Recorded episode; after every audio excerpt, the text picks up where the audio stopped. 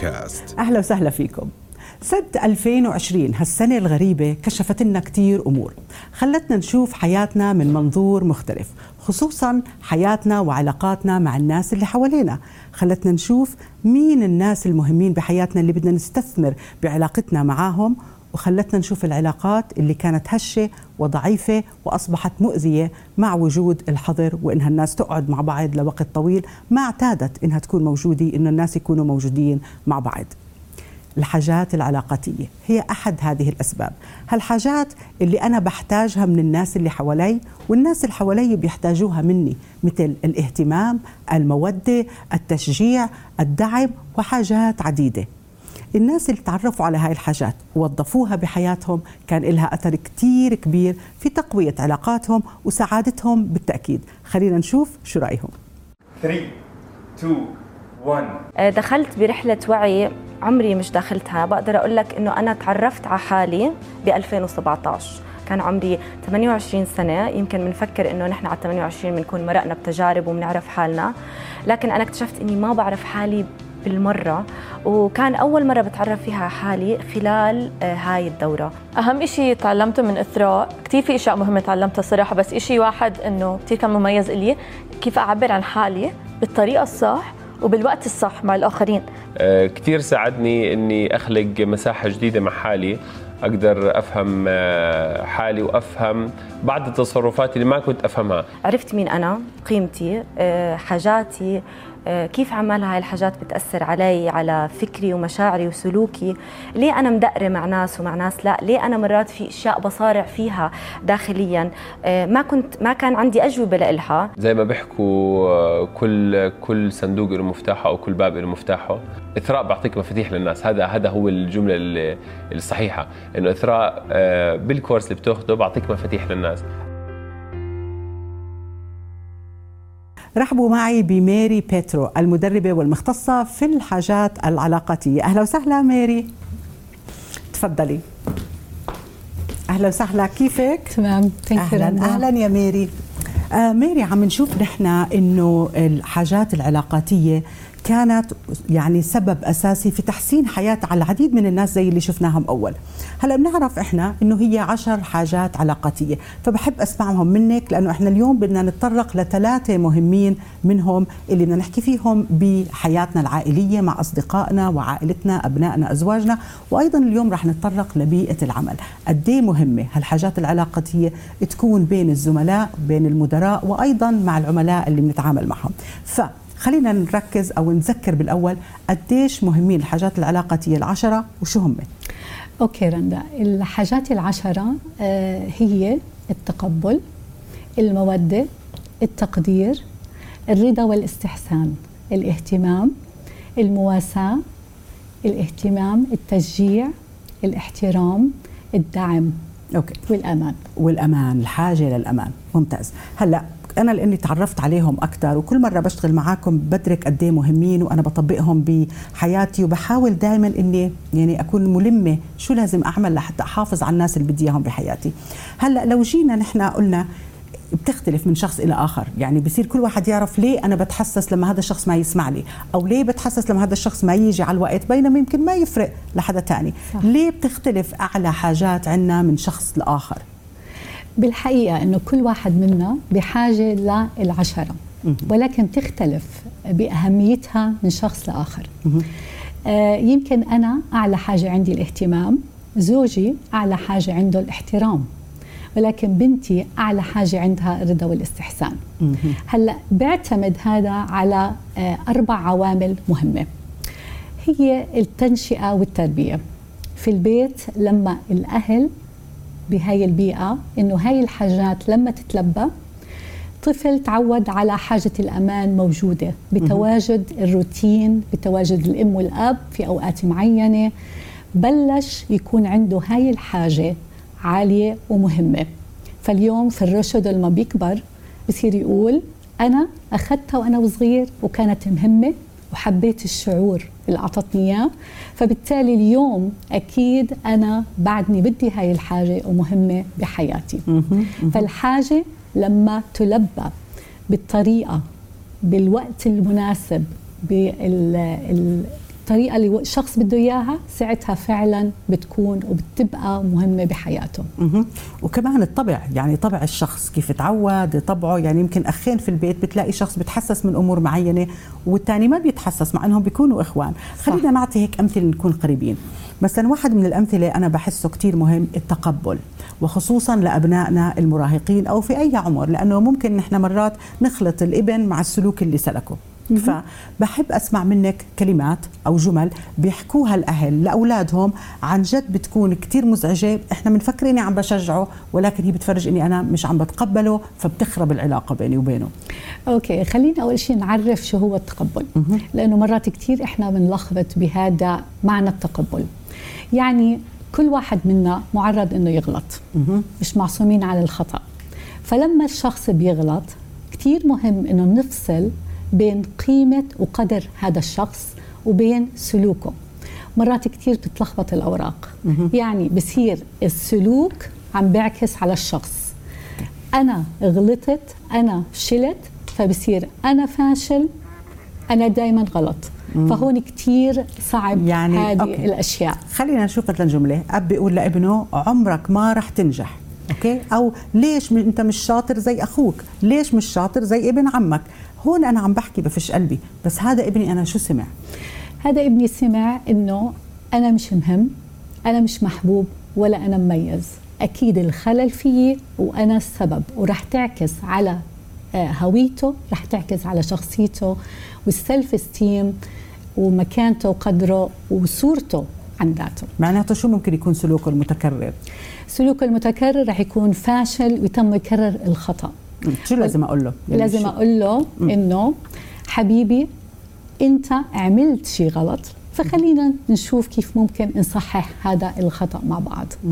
فهو ابني حبيبي والخطأ بتك... بنقدر نصلحه وبالتالي نحن عم نعلم أولادنا إنه هم مهمين ولكن السلوك هو اللي ضروري يتغير. بالضبط. يعني أقول له إني أنا بحبك بس ما عجبني هذا السلوك. يس. بدنا نعود حالنا وندرب حالنا على هاي الطريقة. صح. أكيد لأنه في النهاية ما في حدا أهم من أولادنا عنا. فبعدين نتساءل ليش خربت العلاقة. 100% هلأ ميري رح نتعرف ونشوف مع بعض صديقة لنا هاي الصديقة هي من كندا. أخذت دورة تدريب الحاجات العلاقاتية وما بتسميها دورة تدريبية بتسميها تجربة غيرت لها حياتها. الحاجة اللي لقتها كثير من أكثر الحاجات الاهتمام. كيف وظفت تجان؟ حاجة الاهتمام وغيرت علاقتها مع ابنها اللي عمره سبع سنين 180 درجة. خلينا نرحب بتجان من كندا. مرحبا تجان. أهلا فيكي. أهلا وسهلا يا تجان. كيف حالك؟ تمام كيفك أنت؟ تمام الحمد لله. تجان بحب أسمع منك آه، كيف لما تعرفتي على حاجة الاهتمام قدرتي ترجعي تبني علاقة قوية بينك وما بين ابنك اللي عمره سبع سنين كريم؟ الحقيقة أنا كريم آه، كمان يمكن آه، إحدى الشغلات اللي لازم أذكرها إنه أنا ابني آه، عنده هبة من الله هي هبة التوحد. فهذا بخلي مرات الكوميونيكيشن أو التواصل معاه يكون شوي أصعب.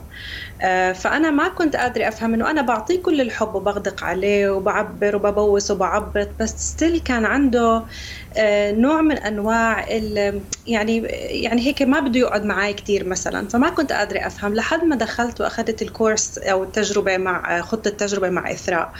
وفهمت شو يعني الحاجات؟ ومن ضمنها حاجة الاهتمام. ومن ضمن الحديث أنا كل فكري إنه الاهتمام لازم أقعد أقعد معه على الأرض ونقعد نكتب ونقعد نرسم وهذا الحكي كلياته. بس اللي فهمته بعدين إنه التجربة الحياتية هي تجربة متفردة وتجربة فردية للبني آدم. فأنا من خلال الحديث مع ال coaches ومن خلال الحديث مع ال group قدرت أفهم إنه ابني في في طريق طرق تانية بقدر ألبي له فيها الحاجات تبعته من ضمنها لحاجة الاهتمام. فمن ضمن الأفكار الحقيقة إنه أنا رحت اشتريت بسكليت. over the weekend يعني بال weekend رحت اشتريت بسكليت. وصرت أطلع معاه نص ساعة برا بالشارع بس رايحين جايين على البسكليت.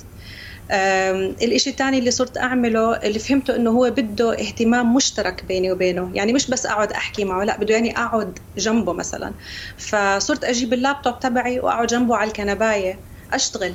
مش ضروري نكون عم نحكي بس أنا موجود. جنبه آه رندا ما بدي أحكي لك كيف انعكست آه الآية معنا أنا ابني هلأ يعني بحب يقعد جنبي بحب يحكي معي بيعبر ببوس بيعبط آه لما ما يكون معي بحكي معي يسأل علي. هاي كلها شغلات جديدة أنا بالنسبة لي وكثير آه فرقت معي الحقيقة. وحسيتي نفسيته كمان ارتاحت؟ مليون بالمية. أنا ابني سعيد. آه يعني ابني سعيد هلا الحمد لله يعني. وانت أكيد سعيدة آه؟ فوق فوق فوق. شكرا تيجان لمشاركتك معنا من كندا.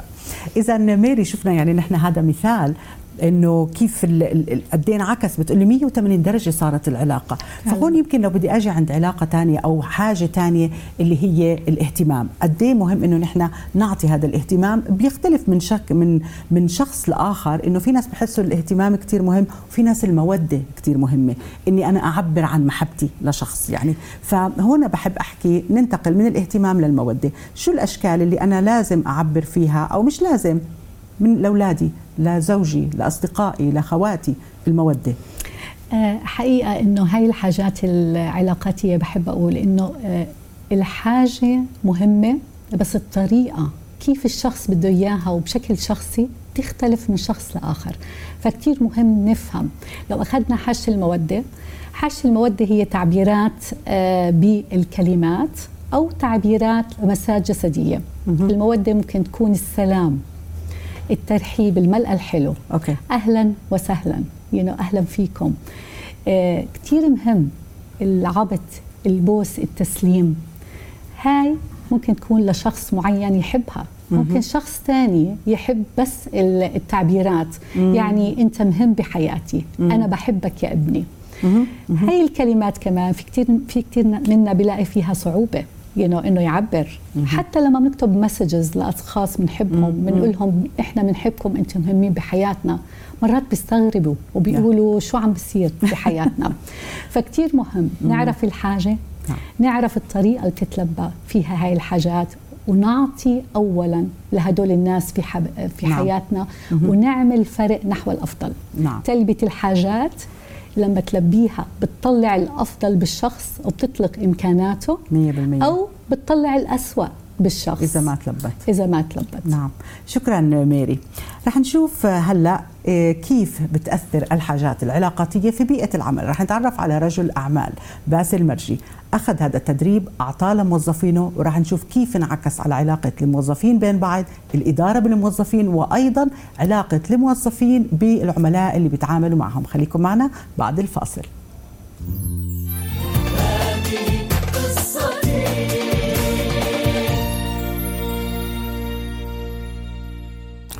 ورح نتعرف هلا على سيد باسل مرجي رجل أعمال مدير مؤسسة تجارية اللي قرر إنه يعطي موظفينه تدريب الحاجات العلاقاتية. أهلا وسهلا فيك باسل. أهلا كيفك؟ رندا أهلين. الله يسلمك. شكرا. شو اللي خلاك تعطي هاي الدورة التدريبية لموظفينك؟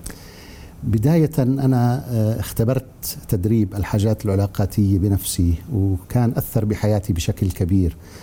وارتأيت أنه أنقل هذه الخبرة إلى مؤسستي إلى الشركة وأحاول أبني ما يسمى بالميزة التنافسية فيها من خلال. هلأ الميزة التنافسية هي أنه ليش بدي أخلي بعض العملاء يتعاملوا مع شركتي وليس مع شركة أخرى وهي من خلال العلاقات. يعني لو بدي أجيب مثال إحنا الموظفينا اللي موجودين لما يعملوا إشي كويس بعطيهم أنا حاجة التقدير. لما بقدرهم إنتاجيتهم بتزيد وبالتالي كمان المؤسسة بتزدهر والخير بعم على الجميع. وأيضا الحاجات العلاقاتية لها علاقة بما يسمى بالقيادة العلاقاتية. هلأ أي شركة دائما تطلع كيف بدها تبني القيادات داخل الشركة اللي هم بدهم يمسكوا دفه القيادة في في المستقبل. أي مدير مؤسسة بتطلع مين في عنده هالأشخاص المناسبين. وهنا برضه بتدخل حاجة التشجيع. يعني برضو إحنا بنيجي بنحط عينينا على بعض الناس وبنعطيهم التشجيع لتطوير أنفسهم وهذا كله بدخل تحت الحاجات العلاقاتية اللي هي مهمة جدا في حياتنا ومهمة برضه بالمؤسسة. طيب اهتمامك هذا يعني مع بموظفينك ما بتخاف مثلا إنهم خلص يتراخوا بالشغل أو يأخذوا الأمور إنه شو ما عملوا مش مشكلة أنت دائما بتهنيهم دائما بتشجعهم دائما بتقدرهم؟ على العكس تماما. آه. بالعكس إذا ما بنهتم فيهم وإذا ما بنقدرهم الخوف إنهم هون يتركوا. يعني أي شخص في أي مؤسسة تصوري إنه بيعمل شيء مثلا واحد في دائرة مالية وفر على الشركة مبلغ من المال أقل شيء لازم يجي هالمدير ويعطيه شوية تقدير وحتى مش بس تقدير ومكافأة أيضا. فإذا ما بيلاقي هذا التقدير هو راح يسحب حاله ويصير يفكر إنه بده يطلع أي مكان آخر. فهنا آه، وكمان في برضه آه، آه، إحنا هلأ الأجيال الجديدة بتطلع بأفكار خاصة الشباب بيطلعوا بأفكار جديدة وخلاقة وإبداعية. برضو لازم هنا نعطيهم نوع من الاحترام وحاجة الاحترام نسمع منهم ونحاول أنه نطبق شو اللي في عندهم؟ يعني بعض الناس وبعض المدراء بضلوا على بنسميها الدقة القديمة. لا هنا إحنا لازم نفرجي حاجة الاحترام وهذا بالأخير كله بيؤدي إلى تطور وازدهار الشركة. يعني عم بتقولي إنه حاجة الاحترام بتعرض لهم إياها عن طريق إنك تشاركهم في صنع القرار؟ مشاركة في صنع القرار أكيد نعم. مشاركة آه، حقيقية وليس نعم. إنه المدير يعمل آه، القرار اللي بده إياه ويعمله خلص نفذ وبس طب كيف تعطيهم حاجة التشجيع؟ حاجة التشجيع من خلال ال ال الإرشاد آه، إذا في حدا أكيد في ناس كثير تطلع إنها كيف تطور نفسها. فبنقعد معهم نعطيهم الإرشاد اللازم توجههم كيف يضعوا أهدافهم أهداف حتى لتطوير حياتهم الشخصية. ومنهم من هنا يعني كثير كثير مؤثرة بتكون لهم هلا اللي عرفته عن حضرتك باسل انك بتكون حريص انه دائما موظفينك ياخذوا ال training حتى إذا تنين تجوزوا من المؤسسة بتحرص إنهم كمان ياخذوا هذا التدريب نعم. فهنا باجي بوقت الكورونا بالكوفيد 19 نعم. كانوا أكيد يمكن بدهم يحسوا في اهتمام كيف تعاملتوا مع الموظفين بهاي الفترة كانت بلا شك يعني من لما انحجرنا في بيوتنا كانت هيك كان في غموض يعني الجائحة ما كنا عارفين شو اللي بده يصير. فأكثر حاجة هنا كانت موجودة عند الجميع ما فيهم أنا هي حاجة الأمان. يعني لوين إحنا رايحين؟ قديش هذا الحكي بده يطول فهنا آه، تأكدت أنه أتواصل معهم بشكل شخصي وديت لهم رسائل تواصلت مع معظم الناس اللي موجودين. تواصلنا كمان مع زملائنا آه، يعني حاولنا إنه كمان نستغل وقت الحجر إنه ننجز الأعمال اللي كانت مكسورة علينا بالأول ونعطيهم اطمئنان طبعا بالتواصل مع كل ذات العلاقة البنوك الموردين كلياتهم إنه إحنا الأمور تمام وإن شاء الله راح نجتاز هذه المرحلة. وكانوا جدا إيجابيين في هذه كيف حسيت ناخذ يعني أنت أعطيتهم شعور بالأمان الأمان الوظيفي؟ الكل كان خايف الكل. كان خايف لوين أنا بدي أفقد يمكن أفقد شغلي يمكن أبصر وين شو بده يعمل فيه شو بده يصير بالمؤسسة شو بده يصير بالبلد يعني هذاك الوقت كان شوية كان في غامض فكانت حاجة الأمان مهمة جدا إضافة إلى الإيجابية إنه إنه نعطيهم إياها. طب بدي أسمع منك نصيحة لأي آه، مدير لمؤسسة آه، شو بيقدر يعمل لحتى يخلي دائما هاي الحاجات اهتمامه بموظفينه ليعطوا أكثر للمؤسسة. الحاجات مهمة في حياتنا الشخصية وأيضا في العمل مم. بدون ما نعطي إحنا حاجات الاهتمام والاحترام والمودة آه، ما بنقدر نبني مؤسساتنا بناء المؤسسات والتطور المهني في مؤسساتنا مهم لإلنا ولموظفينا وللبلد برضه للوطن بشكل عام عشان الخير إنه يعم على الجميع. شكرا لك أستاذ باسل مرجي بنتمنى لكم التوفيق. تسلم. خليكم معنا. رح نشوف هلأ شو هي طرق التقدير اللي بنقدر نستخدمها سواء لعائلتنا أصدقائنا أو أيضا لزملائنا في بيئة العمل. خليكم معنا.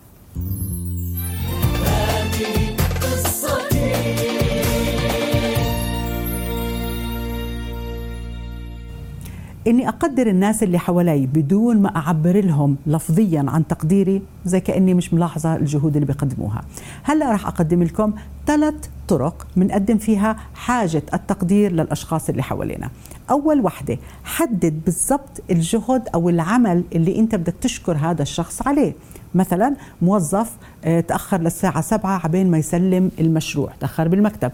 كثير مهم إني أقول له أنا بقدر آه، وجودك واستمرارك وإنك ضليت للساعة 7 المساء لكملت المشروع. شكرا لك فقدر بالضبط حدد العمل اللي بدك تقدره قدر لفظيا وخصوصا أمام الآخرين. ثاني وحدة لاحظ دائما الأفعال الإيجابية وأثني عليها. هون بصير شو؟ لما يكون في أي سلوك أنا مثلا مش زي المتوقع بكل سهولة بقدر أعطي ملاحظاتي. ليه؟ لأني دائما بلاقي الإيجابي وبشكرهم على الإيجابي. فلما يصير شغلة غير متوقعة أو مش الشيء اللي أنا بدي إياه لما أعطيهم الملاحظات 100% رح يسمعوا لي أكثر وتذكروا السلوك المثنى عليه هو سلوك سوف يتكرر. إذا رح تزيد الإيجابيات. ثالث وحدة كن سخيا في تقديم الملاحظات المكتوبة. الشكر والتقدير كتابة لو بملاحظة بخط اليد لو بإيميل وأيضا بتقديم الهدايا للأمور اللي بحبها هذا الشخص. هيك بنقدر دائما نحفز الآخرين على تقديم المزيد ونحن بنصير نحترمهم وهم أيضا ممكن يكونوا جاهزين يقدموا لنا أفضل وبنصير نعرف واجباتنا تجاه الناس اللي حوالينا. إذا بالحاجات العلاقاتية. نفهم حاجاتنا نفهم حاجات الناس اللي حوالينا. نقدر نبني علاقات قوية زي ما شفنا اليوم بقصة توجان قصة ميري قصة باسل وأيضا قصة لينا. وكل شخص تعرف وتغيرت علاقات في حياتهم للأفضل. نستناكم في قصة نجاح جديدة من هذه قصتي. وإلى اللقاء.